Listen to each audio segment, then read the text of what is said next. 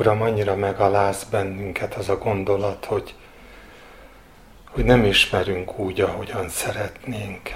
Nem értjük úgy a terveidet, ahogyan szeretnénk, hogy igen, gyönyörködünk abban, hogy te titkos bánya mélyében formálod ezeket a terveket, és biztos kézzel fel is hozod azokat, de az oda vezető utat korán sem éljük meg ennyire felőtlenül és rózsásan. Olyan sokszor valóban félünk, olyan sokszor értetlenül állunk az események előtt, olyan sokszor vagyunk elégedetlenek, mert nem látjuk a te hatalmas kezedet. És ezért kérjük, hogy bocsáss meg. És kérünk egyben arra is, hogy kegyelmedből engedd meg, hogy megismerjünk téged, hanem is a terveidet, de téged, és hogy ez elég legyen nekünk.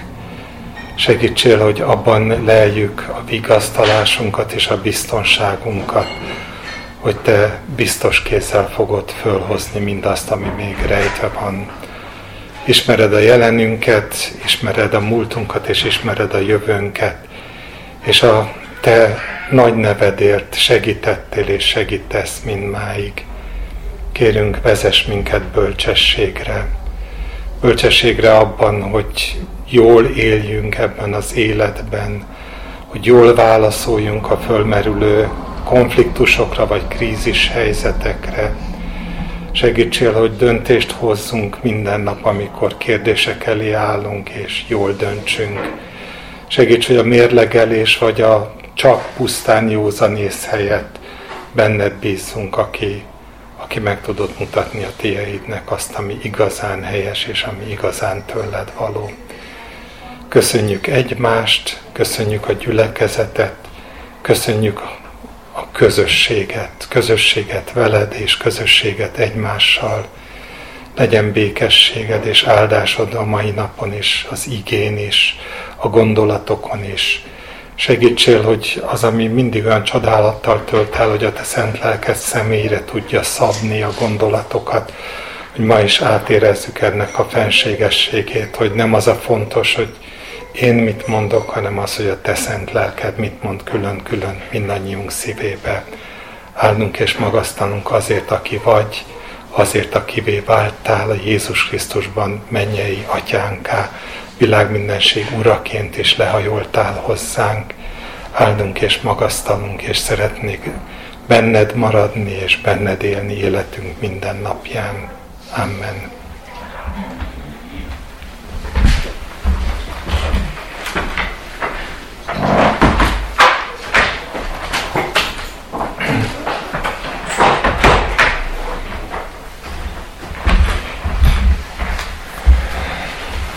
Nem tudom, hogyan kezdjem, és még kevésbé, hogy hogy folytassam, vagy hogy fejezzem be. Időnként egy kicsit megrogyok. Na nem nagyon, csak eh, annyira mindenféleképpen, hogy időnként, időnként, ahogy rácsodálkozok arra, hogy hogy zajlanak a folyamatok a világban, és mennyire nincsen semmilyen ráhatásunk rá, semmilyen formában, hogy eh, elelcsüggedek. De aztán most csütörtökön együtt voltunk Biblia órán, és elkezdtünk Nehémiással foglalkozni, és talán az első résznek már rögtön adódott annyi tanulsága, hogy máig is azt próbálom földolgozni, és ez az volt, talán éppen valamelyiket vetette be, hogy, hogy micsoda óriási nagy az egyénnek a felelőssége, hogy, Isten meghallgatja az imákat, és Isten képes időnként egyetlen ember közben járó imájára valami egészen rendkívüli módon megforgatni a történelemnek a kerekeit. Mi sokszor érezzük úgy, hogy hiába való az életünk, vagy nem túl hasznos az életünk. Sokszor szeretnénk, hogyha jobban látnánk a gyümölcstermést, sokszor nem látjuk, és ez szerintem mindenkit időnként egy kicsit megfáradással és csüggedéssel tölt el. És olyankor különösen jó emlékezni arra, hogy milyen történelemfordító imák tudtak elhangozni. Akár gondolunk Dánielnek az imájára, 9. részben, akár most éppen Nehémiás imájára gondolunk, mindegyiknél azt érzékeljük, hogy valami nagyon egyszerű dolog történik. Az ember elfoglalja azt a helyet, a, ami ő. Nem kérkedik, nem büszkélkedik. Nem azt mondja, hogy X-nek és Y-nak a hibája és a vétke, hanem alázattal azt mondja, hogy mi vagyunk ezek, Uram, mindannyian ilyenek vagyunk, egyikünk sem jobb a másiknál. No, szóval az azért mindenképpen eh, fontos volt, hogy milyen nagy akkor a felelősségünk, amikor az Isten elé állunk, hogy ilyen szívvel állunk-e eh, az Isten elé, ahogyan ők álltak. Nem minden esetben látunk gyümölcsöket. Azt is be kell ismernünk, hogy szerintem mindannyian imádkozó emberek vagyunk, és mindannyian kérdésekért évek vagy akár évtizedek óta imádkozunk gyerekeinkért, családtagjainkért, ébredésért, gyülekezetért. Annyi minden van, amiért imádkozunk, és olyan sokszor úgy érezzük, hogy késik az Úr az ő ígéretével, pedig tudjuk, hogy nem késik. nem látjuk gyakran a hosszú távok gyümölcsöket, és maga az, hogy mi személyesen kegyelmet kaptunk az Úrtól, az, az jól esik nekünk, de időnként kevésnek tűnik, hogy miért nem tudunk gyümölcsözőbb életet élni. Már pedig olyan időkben élünk, én azt gondolom, amikor egyikünknek az élete sem feltétlenül garantálja azt, hogy egy békésebb, jobb, áldottabb, gyümölcsözőbb korszak következik be. Egyszerűen nem olyanokat rendek. Nehezen szokjuk meg. Szívesebben vizionalizálunk, képzelünk magunk elő valami, valami szebb véget, hiszen Isten valóban azt ígérte, hogy az az ő gondolat, hogy kívánatos véget adjon. De hogy mi az, hogy kívánatos, azt sokszor mi nem nagyon érzékeljük, mert mi nagyon a földhöz tapadunk, és nagyon ebben a rövid 60-70-80 esztendőben szeretnénk ezt a kívánatos eh, eredményt látni. Nagyon szeretem Jeremiás könyvét, ott a 45. rész, az egy rövid rész Bárukról szól, az ő íródeákjáról szól.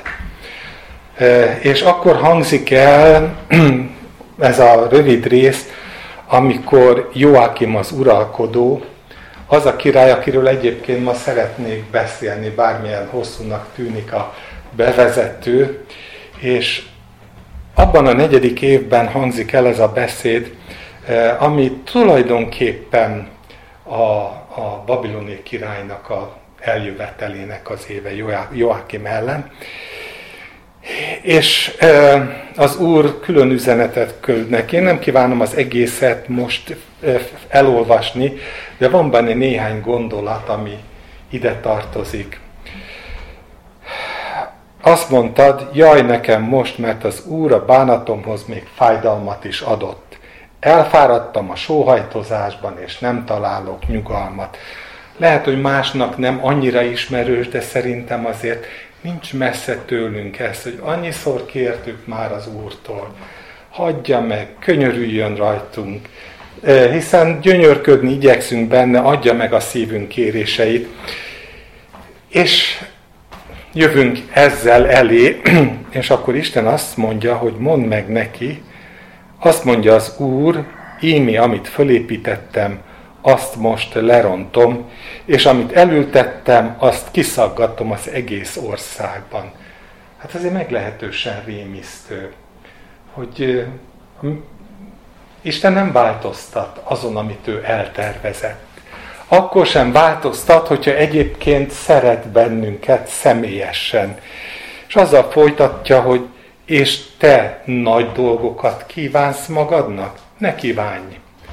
mert ímé veszedelmet bocsájtok minden testre, ezt mondja az Úr, és itt a gondolatnak a kiteljesedése, de életedet ajándékul adom neked mindenütt, ahol csak jársz. És bennem való azt fogalmazza meg, hogy a történelem folyik a maga medrében. Mi szeretnénk ennek a történelemnek a formálói lenni, legalább azon a szinten, ahogyan Nehémiás volt a formálója, vagy ahogyan Dániel volt a formálója. Sokszor nyugtalankodunk és, és, és elégedetlenkedünk, hogy mi nem vagyunk ilyen formálói a történelemnek.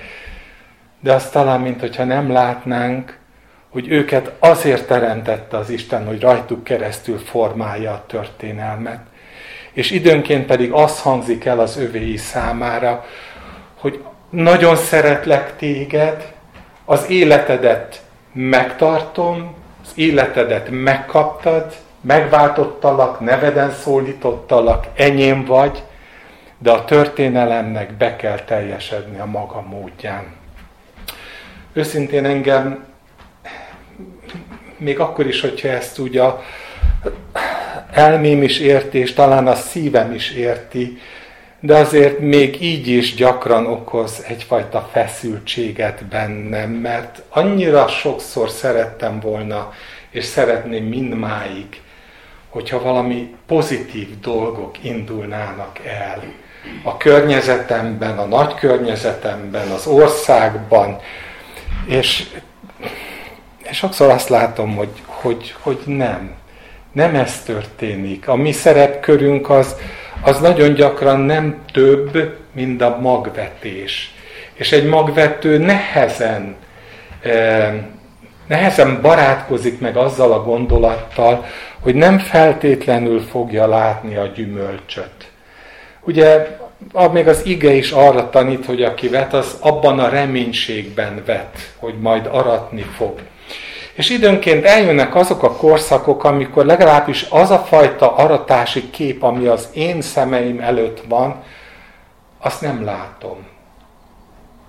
És megelégedetnek lenni, Isten félelemmel, és, és gyönyörködni abban az Istenben, aki titkos bánya mélyében formálja a terveit, és nekem azt a feladatot adta, hogy hirdessem az igét, neked, mindannyiunknak, hogy vesd a magot, avval a jó reménnyel, hogy ő akkor is biztos kézzel fogja fölhozni a szeretteid életében, a gyerekeid, a férjed, a barátaid életében az ő tervét, hogyha nem látunk belőle túl sokat. Nem látunk lehetőségeket munkával kapcsolatban, kibontakozással kapcsolatban, gyülekezetfejlődéssel kapcsolatban. Hogy mindezt letudni azzal, hogy Isten nagy, Isten jó, és Isten akkor is jó dolgokat tesz, hogyha az a történelmi eh, korszak, amiben ben, engem vagy bennünket élni enged, az nem pontosan ugyanaz, mint amikor eh, időnként egy-egy ember szolgálatán keresztül megváltozott a világ. eh,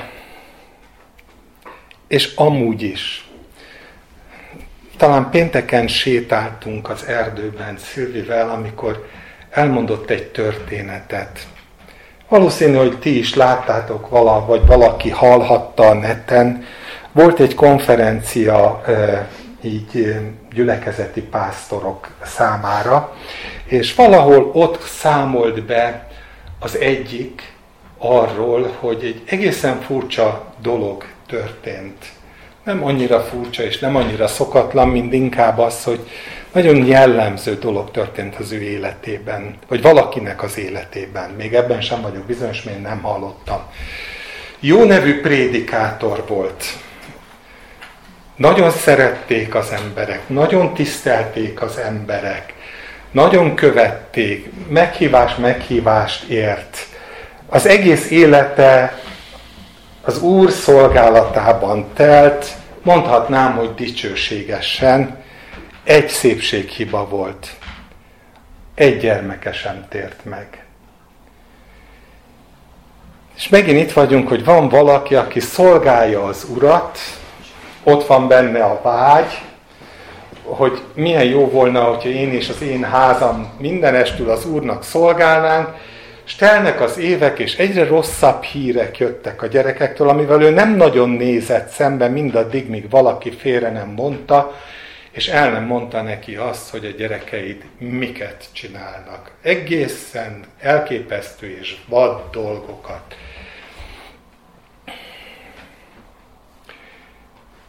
Nem változott meg az ő élete által a történelem, de a gyerekei története oly módon változott meg, hogy mikor ezt hallotta és megmérte magát az ige tükrén, amit mondjuk az új szövetségben Timóteusnak, Titusnak ír Pál, hogy milyen a normális az, amikor valaki az Úr szolgájaként él, akkor milyen annak a háza népe, és miután úgy látta, hogy ez semmiben nem passzol ő rá, akkor úgy döntött, hogy lemond minden, minden szolgálatáról. És ez nem egy könnyű lépés annak, aki elismert és szeretett. És hiába jöttek hozzá azzal, hogy de hát ez egy olyan űr, amit nem lehet majd pótolni, mert, mert, mert olyan micsoda ajándékaid vannak az Úrtól, mégis kitartott a döntése mellett, és noha ebből élt, mint lelkész, ott hagyta az állást, vagy ott hagyta a hivatalt, és, és visszavonult. És mikor ezt a gyerekei megtudták, akkor elindultak a megtérés útján. Nem tudom, érzitek-e azt, hogy megint van egy olyan csavar a történetben, ami annyira jellemző, nem csak ma, hanem jellemző volt az egész történelemben. Az a nem erővel, nem hatalommal, nem hírnévvel, nem sztárolással működik az Úr hanem a megtört, alázatos, szelíd szíveken keresztül működik az Isten országának a terjedése. És nem lehetett, hogy ne jusson eszembe az a sikertörténet, amivel befejeződik tulajdonképpen egy csomó királytörténetnek a lezárása, és ez Jósiás volt. Emlékeztek rá? Jósiás a, a tényleg olyan szuper király, aki csak álmodni lehet. 18 évnyi felkészülés állt mögötte, amit az Úrnak szentelt a fölkészülése is. És beszéltem róla talán több alkalommal is, hogy minden éget benne azért, hogy Isten akarata teljesedjen. De egyet nem tudott megcsinálni. Lerombolhatta a bálványokat kiírthatta a bálványáldozatokat, a papokat, bármit megtehetett. De a nép szívét nem tudta az Istenhez fordítani administratív intézkedésekkel. A hivatal intézkedéseivel épp úgy nem tudta a népet Istenhez fordítani, mint ez a lelkipásztor nem tudta a saját gyerekeinek a szívét az Istenhez fordítani azzal, hogy ő pedig ég az Úrért. Mert Isten nem arra hívta el őt sem, nem arra hívta el ezt a lelkipásztort se, engemet se, tégedet se, és egyikünket se arra hívott el, hogy valami ügyet szolgáljunk. Az Isten országának az ügyét szolgáljuk. Nem arra hívott el, hogy megtérítsem Pistát, megtérítsem a gyerekemet, vagy megtérítsem a szomszédomat, vagy az egész világot, vagy hogy kiálljak a pulpitusra, és ezrek előtt szóljak arról, hogy Krisztus milyen nagy dolgokat tett értünk, és ezzel nem azt akarom mondani, hogy ennek nincs meg a helye, amikor Isten küld. De alapvetően Isten arra hívott el mindannyiunkat, és ezt jól tudjuk, hogy adjuk át a lényünket, hogy élhessen bennünk. És kiáradhasson belőlünk. És persze tudom, Jósiás nem volt új szövetségi értelemben király. És Isten értékelte a buzgalmát, és, és, és Isten éppen Jósiás miatt még elhalasztotta azt az ítéletet, amit egyébként Manassé óta tudott a profétákon keresztül egész Júdea, Júda, Izrael, mindegy, hogy melyik szót használom most, mert Manassé az egy sorsfordító uralkodás volt. Elérte azt az inflexiós pontot, azt a fordulópontot, ahonnan már kevés volt az, hogy az emberek visszatér, vissza, kevesen voltak ahhoz, hogy visszatérjenek az Úrhoz. Nem tudtak már visszatérni az Úrhoz, és Jeremiás ugye éppen Jósiás életében mondja meg, fogalmazza meg azt, hogy, hogy, hogy mennyire távol került az Isten népét, az Istentől a nép, még akkor is, hogyha a szájával egyébként pedig közelget hozzá. Szóval valahol az egyik tragédia Jósiás életében, és szerintem a mai keresztények életében is nagyon gyakran, hogy, hogy, hogy, hogy a feladat bűve, bűvköre, a feladat szépsége, az Úrér való buzgalomnak a szeretete, az, az, az sokszor fölülírja a személyes küldetést. És Jósiásnak a másik tragédiája, hogy nem csak a nép nem tért meg, de igazából a saját házanépe sem tért meg. Éppen úgy, ahogy ennél a lelki pásztornál. Négy fiáról beszél az ige. A első krónikák harmadik részében sorrendben sorolják föl a leszármazottait. És ezek közül az első egy Johannán nevezetű fiú, ő az első szülött, így is fogalmazza meg a, a krónika, ő az első szülött, és erről a Johannánról semmit nem tudunk.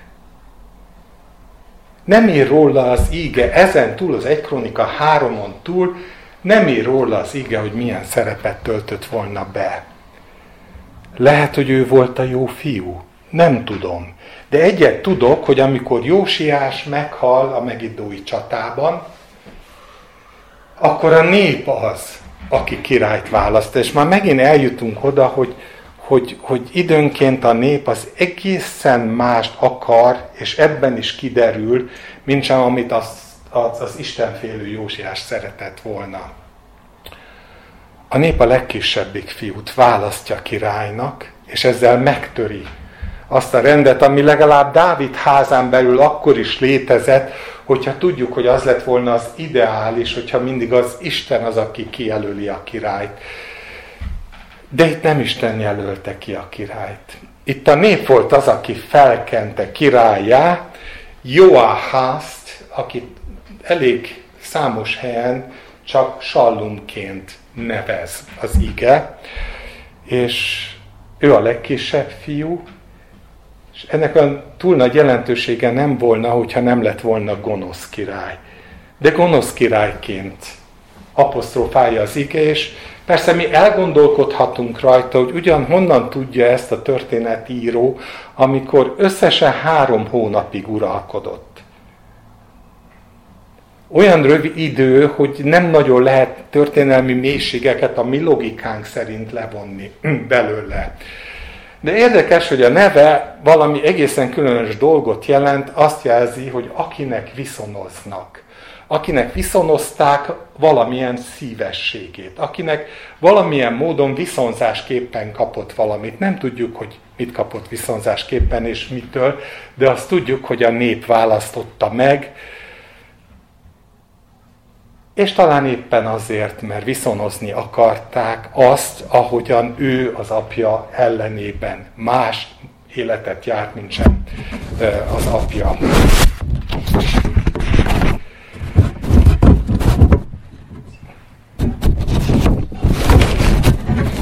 Ez a Joáhász 23 esztendős volt, amikor uralkodni kezdett. Három hónapig uralkodott, mondja a Biblia, az Úr szemének bent gonoszul cselekedettem, cselekedett pontosan úgy, ahogyan atyái. Nem tudjuk, hogy milyen életet élt. Érdekes módon egy feljegyzés van, és az Ezékielnél található, aki őróla is, erről a Joáházról is, Sallumról, és később Jóákimról is szinte szóról szóra ugyanazokat mondja el. Ezékiel így mondja, hogy mi volt anyád? És ő mindig Jeruzsálemre gondol, mint ahogy aztán majd Pálapostól is. Nőstény oroszlán, oroszlánok között feküdt, fiatal oroszlánok között nevelte fel kölykeit. Fölnevelte az egyik kölykét, és az ifjú oroszlánnál lett. Megtanult zsákmányt szerezni, és embereket evett. Felfalta az embereket egy másik fordítás szerint, de meghallották róla ezt a népek, fogjulejtették vermükben, és láncon vitték őt Egyiptom földjére. Rövid híradás, de azt hiszem a lényeget azt, azt, azt sejteti sejteti azt, hogy akárhogy, és lehet, hogy viszonzásképpen kapta meg a trónt a néptől, és lehet, hogy fölkenték, ami nagy ceremóniát jelent, méghozzá olyan módon, hogy nincs mögötte az Isten, de a vége mégiscsak az lett, hogy ő a szó nem szoros értelemében emberevővé vált, tehát nem tisztelte az emberi életet, pusztította az embereket. Ez alatt a rövid idő alatt is ki tudja, hogy hány vérengzés, tapadt a kezéhez, amit pont azok ellen hajt, hatott végre, akik egyébként Jósiásnak a támaszai voltak, és lehet, hogy valóban ilyen módon, amiben mi nem látunk, de igen, az teljesedett be, amit az igen mondott, hogy gonosz, gonosz uralkodott. Én azt hiszem, hogy valahol ez a felkenték, a nép felkente, az azt is jól érzékelteti, ami, amit, amivel mi is szembenézünk. Ez, ezzel a gondolattal, hogy a nép szívesen sztárol, és a nép szívesen sztárol olyan módon, hogy valamilyen módon viszonozni akar valamit. Valamit, amit a másik tett értük, vagy nem tett értük, de amit értékelnek benne, egy-egy adottságot, és minden jellege meg lehet annak, mint hogyha a dolgoknak a normális rendje szerint folynának a dolgok, de a valóságban nem több, mint liturgia, valóságban nem több, mint sztárolás, ami királyokat akar tenni, és, és nincsen mögötte az Isten, és sajnos ez a, az igazi gond, hogyha nincsen ott az Isten, akkor nincs az a kinevezés, nincs az a küld, emberi küldetés, nem isteni küldetés.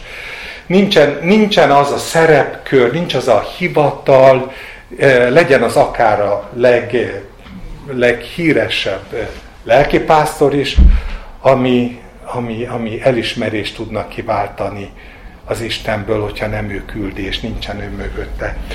Szóval a Biblia azt jegyzi föl, hogy Néko fáraó bilincsbe verette őt Riblában, ez ott Asszíriában van, oda vitték őt, hogy ne uralkodhasson Jeruzsálemben, az országra pedig száz talentum ezüstöt és egy talentum aranyat vetett ki adóként, majd Néko fáraó Eljákimot, Jósiásnak egy másik fiát, eh, tette királyá apja Jósiás helyett, és nevét Jójákimra változtatta, Jóáház pedig magával vitte Egyiptomba, aki ott halt meg.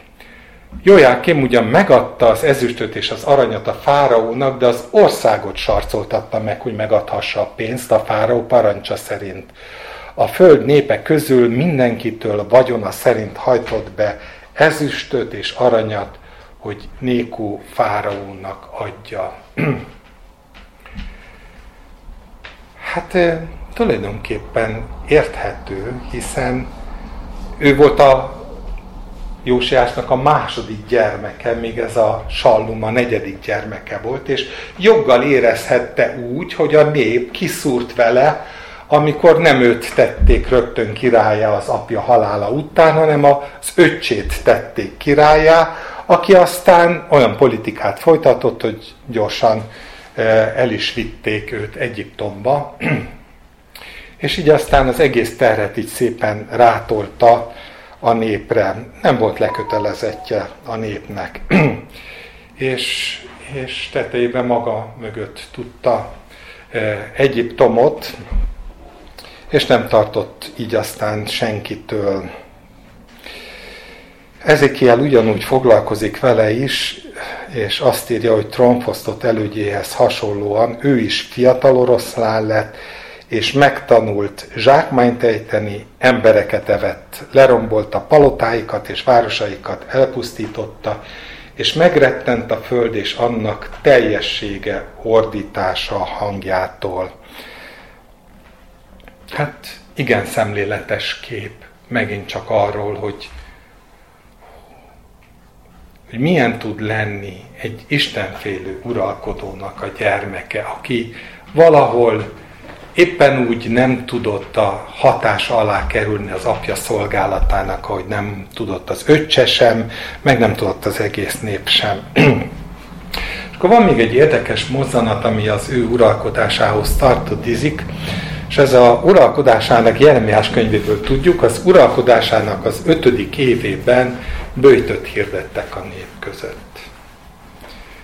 Jeremiás van a háttérben, és ő láthatóan nem vett részt ebben a kísérletben, hogy Isten felé forduljanak ismét. Jeremiás leírja az Úr üzenetét, és Báruk, ez a bizonyos Báruk, akiről elébb azt mondtam, hogy Isten üzenete az, hogy örülj annak, hogy a te életed az biztonságban van. Ez a Báruk fölolvassa a népnek az Istentől kapott proféciákat. És amikor ez megtörténik, akkor a királynak a besúgói értesítették a királyt arról, hogy mi történik a háttérben, hogy megtérésre szólították föl a népet. És erre a király azt kéri, hogy vigyék elé a könyvet, amit, amit ugye báruk vetett papírra. És akkor ez történik. A király pedig a téli házban ült a kilencedik hónapban, és a tűz égett előtte. És amikor Jehudi három vagy négy levelet elolvasott, elvágta azt az írástudó késével, és a tűzbe hajította, amely a tűzhelyen volt, míg nem az egész könyv megégett a tűzben. De akik ott voltak, nem rettentek meg, sem a ruhájukat nem szaggatták meg, a király és valamennyi szolgája, akik hallották mind ezeket a szavakat. Emlékeztek rá, és ilyenkor olyan tulajdonképpen rettenetes a ellenpontozás. Ott, ott van Jósiás, az apja. Az ő idejében találják meg a törvénykönyvet. És óriási ünnepséget rendeznek. Megtalálják a törvénykönyvet, és Jósiásban egy dolog azonnal világossá válik, és az pedig az, hogy eljött az ítéletnek az ideje minél jobban olvassák a könyvet, annál inkább megszaggatja ruháját, bűnbánatra jut, mert Isten szentségével találkozik, és Isten szentségével találkozva arra indul, hogy Isten elé menjen. És itt van a fia, aki ugyanúgy Isten beszédével találkozik. Nyilván nem a törvénykönyv, hanem olyan beszéd, amit Jeremiáson keresztül szól az Úr, és Báruk írja le, de a hívő zsidó hozzászokott a hívő zsidó, hangsúlyozom, hogy tisztelje az Istennek a beszédét. És itt van ez az istentelen ember, aki annyira nem rettem meg attól, amit hallja, hogy szépen darabjával a oldalakat fogja, földarabolja, és a tűzbe veti. és semmi lelki furdalása nincs, amikor, amikor ezt teszi. És amikor mindez megtörténik, akkor Jeremiás küld neki egy üzenetet, ismét Isten van a háttérben, és, és erre vonatkozik, erre a tetre. Olyan üzenet ez, ami tulajdonképpen párját ritkító, mert ilyet még egy királynak sem mondtak. Jójákimnak, Júde királyának mond meg, ezt mondja az Úr.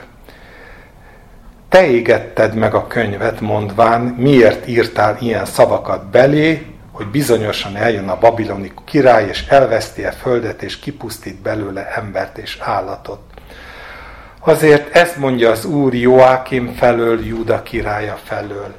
Nem lesz neki utódja, aki a Dávid székébe üljön, és az ő holt teste elvettetik nappal a hőségre, éjszaka pedig a fagyra.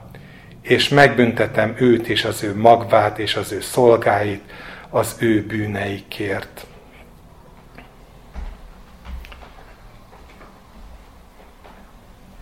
Beteljesedett.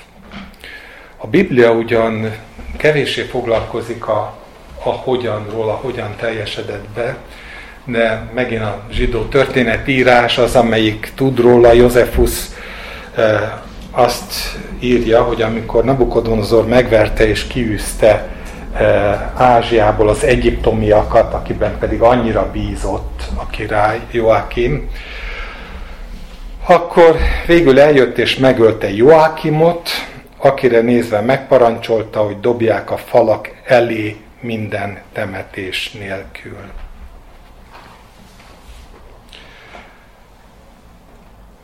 Tudjátok, nagyon szeretem a történelmet, és néha nehezen tudom szétszálazni azt, ami maga a történet és a tanúságot, és miközben nagyon szeretném a tanúságra helyezni a hangsúlyt, eközben úgy gondolom, hogy annyira érdekes a történetnek a fonalai, hogy, hogy azt is jó, hogyha megismerjük. Joachim már ott az országban is megkísérelte, hogy Úriás profétát kivégezze. De megint az a király, aki, aki, akiről aztán Jézus mondja, hogy megöltetted a profétákat, Jeruzsálem, Jeruzsálem, és, és, és ő ezek közé tartozik. Meg akarja ölni a profétát, mert hogy ellene jövendölt. De a proféta elmenekül Egyiptomba, és akkor az történik, hogy utána küld Joákim, Isten emberének utána küld, elfogadta, majd megölette őt fegyverrel, és ez Biblia írja, holtestét pedig a köznép temetőjébe vetette. Még csak azt sem engedte meg, hogy a proféták sírjai között kapjon helyet. Úgyhogy megint Jeremiás az, aki aki ezt értékeli, és azt az üzenetet mondja neki, hogy azért azt mondja az Úr Joákimnak, Jósiás Júda királya fiának, nem siratják őt, jaj atyám, jaj hugom, nem lesz családi gyász. Nem siratják őt, jaj uram, jaj az ő dicsőségének, nem lesz népgyász, nem lesz nyilvános gyász úgy temetik el, mint a szamarat, kivonják és elvetik Jeruzsálem kapuin kívül. és akkor jön Nabukodonozor, megöli, és ahogy Józefus leírja, kidobták a falak elé minden temetés nélkül. no, ennek a két királynak tulajdonképpen ez a története, és még hátra van még további két király, az egyik az ő fia Jójákin, aki megint egy nagyon rövid ideig uralkodó király, és végül ott lesz Sedékiás, akivel majd szeretnék egy picit részletesebben foglalkozni. Egyszerűen azért, mert miközben rossz király, kimondottan rossz király, közben annyiszor kiábrázolódik az, hogy a rossz döntésekben mennyi hezitálás, mennyi vacilálás van, hogy mennyire akar egyszerre figyelni az Istenre. Ő már, ő már akar figyelni Jeremiásra, de ugyanakkor nem akarja megbántani a főembereket, meg az udvart, meg senkit, és, és mindig a rossz oldal győz. Szóval Sedékiás az, ahol mindig igaz az, hogy a vonal alatt rész legyőzi a vonal fölötti részt. Tehát igaz az, hogy a bűn az valami olyan mérhetetlen, óriási, vonzó erővel bír, hogy akár hányszor van azért valami kísérlete arra, hogy, hogy mégis legalább megtudja az Istennek az akaratát, a vége az, az mégis a teljes bukás. De ez legyen valóban a valamelyik következő alkalomnak a, a témája. Azért mertem talán előhozni, mert egyrészt lehet, hogy nektek nem úgy tűnik, de öt hónapja nem, nem esett szó a királyokról. Utoljára májusban ilyenkor esett szó a királyokról, és, és szeretném befejezni. Most már tényleg Sedékiással a Júda királya is sorozat, amit öt, öt éve kezdtünk. 2017-ben az ezzel véget érne, de azt hiszem, hogy az, ami úgy igazán a mai napra nekem ez tanúság volt, az az, az amit az elején megfogalmaztam szinte, szinte már már tézisszerűen, hogy amikor ö, ügyet szolgálunk, és nem az Isten szolgáljuk, akkor valakit biztosan elveszítünk. Lehet, hogy megnyerjük a csatát, de könnyen elveszítjük a háborút. Ez az egyik tanulság, és nagyon nagy bölcsesség és érzékenység kell ahhoz, hogy, hogy az ember eh, ne dicsőséges ügyeket szolgáljon. Amit szeretnénk, mert szeretnénk, mi is szeretnénk, ha jó lenne meg másnak, meg szeretnénk, ha nem értelmetlenül telne el az életünk. És ami ugye ehhez kapcsolódott, és Báruk ábrázolja talán ki, az az, hogy, hogy tudomásul kell vennünk, hogy a történelem megy a maga menetében, és nekünk időnként csak a feladatunk a magvetés, és nem lehetünk keserűek, amiatt, hogy csak az jutott feladatul. És nem mondhatjuk azt, hogy, hogy borzasztó mindez, hanem örülnünk kell annak, amit István fogalmazott meg hetekkel ezelőtt, hogy megváltottalak, neveden szólítottalak, enyém vagy. És azt üzeni az Isten, vagy azt üzente Báráknak, hogy ne akarj nagy dolgokat. Ne akarja. A történelem el kell, hogy menjen. És most is, amikor látjuk, hogy a világ halad a, a, a végzete felé, akkor, akkor lehet persze e, naív ábrándozásokba tölteni az életünket, de Isten azt mondja, hogy mindeneknél jobb dolog a megelégedés Isten félelemmel. Megelégedni azzal, hogy Isten van, és nem megrestülni abban, hogy szolgáljuk úgy, mint aki, aki arra hívott el, hogy lehet, de nem tudom, hogy a te vagy az én egy életemben keresztül fog változás bevetülni a történelembe. Lehet, ahogy ez bevetült akár csak éppen az utóbbi Nehémiásnak az esetében. Lehet. De nem azért csinálunk dolgokat, hogy az én életem óriási változásokat generáljon, hanem azért csinálunk dolgokat, mert elhívott az Úr. És a szívünkre helyezte, hogy a szívére helyezte Dánielnek a közbenjárást, ahogy a szívére helyezte Nehémiásnak a közbenjárást, ahogy Jézus és a Szentlélek folyamatosan ezt olvassuk, hogy közben jár az övéért. Amikor indít az Isten, mi is közben járunk, de valahol azzal a függetlenséggel, amit ugye Dániel fogalmaz meg, amikor vagy az ifjak fogalmaznak meg igazából, amikor a tüzes kemencébe akarják vetni őket, hogy, hogy király, Isten megteheti nem azért szolgáljuk az Isten, mert biztosan ki fog menekíteni a tüzes kemencéből. Nem azért szolgálom az Isten, mert biztosan ki fog menekíteni az oroszlán barlangjából. Nem azért szolgálom az Isten, mert bizonyára szebb jövőt fog adni a környezetemnek, a szeretteimnek, a gyülekezetnek. Nem azért szolgálom az Istent, mert mindenféleképpen abban bízok, hogy az ígéret áll és sikeres és gyümölcsözévé teszi a szolgálatomat, hanem azért szolgálom, mert elhívott, nevemem szólított. Azt mondta, hogy az övé vagyok, és nem tudhatom, hogy nem é, éppen rajtam, rajtad, vagy bárkin keresztül, aki szolgálja az Isten, fog gyökeres változásokat mikro és makró méretben elérni, de akkor is az igaz, amit az ifjak mondanak, ha mégsem tenné meg. Ha mégsem ez lenne a jövőkép, ha mi életünk mégis úgy zárulna le, hogy nem látjuk a gyümölcs termést, akkor is azzal a boldogsággal élünk és megyünk az Úrhoz, hogy megtettük azt, amire Isten elhívott bennünket. És ez adott derűt, és ez adott békességet, és ez adott kiegyensúlyozott életet. És tényleg csak azt kívánom, hogy magamnak elsősorban, mert én sokszor nyugtalankodok a teljes sikertelenségem miatt, már mint idézőjelbe, de amiatt, hogy úgy élem meg, hogy olyan sokszor szerettem volna valami nagy dolgot, mint báruk, és aztán mindig csak azt kaptam, hogy örülj nekem, mert az életedet én odadom neked, meg odaadtam neked, és hogy ezt adja meg mindannyiunknak az Isten. Amen.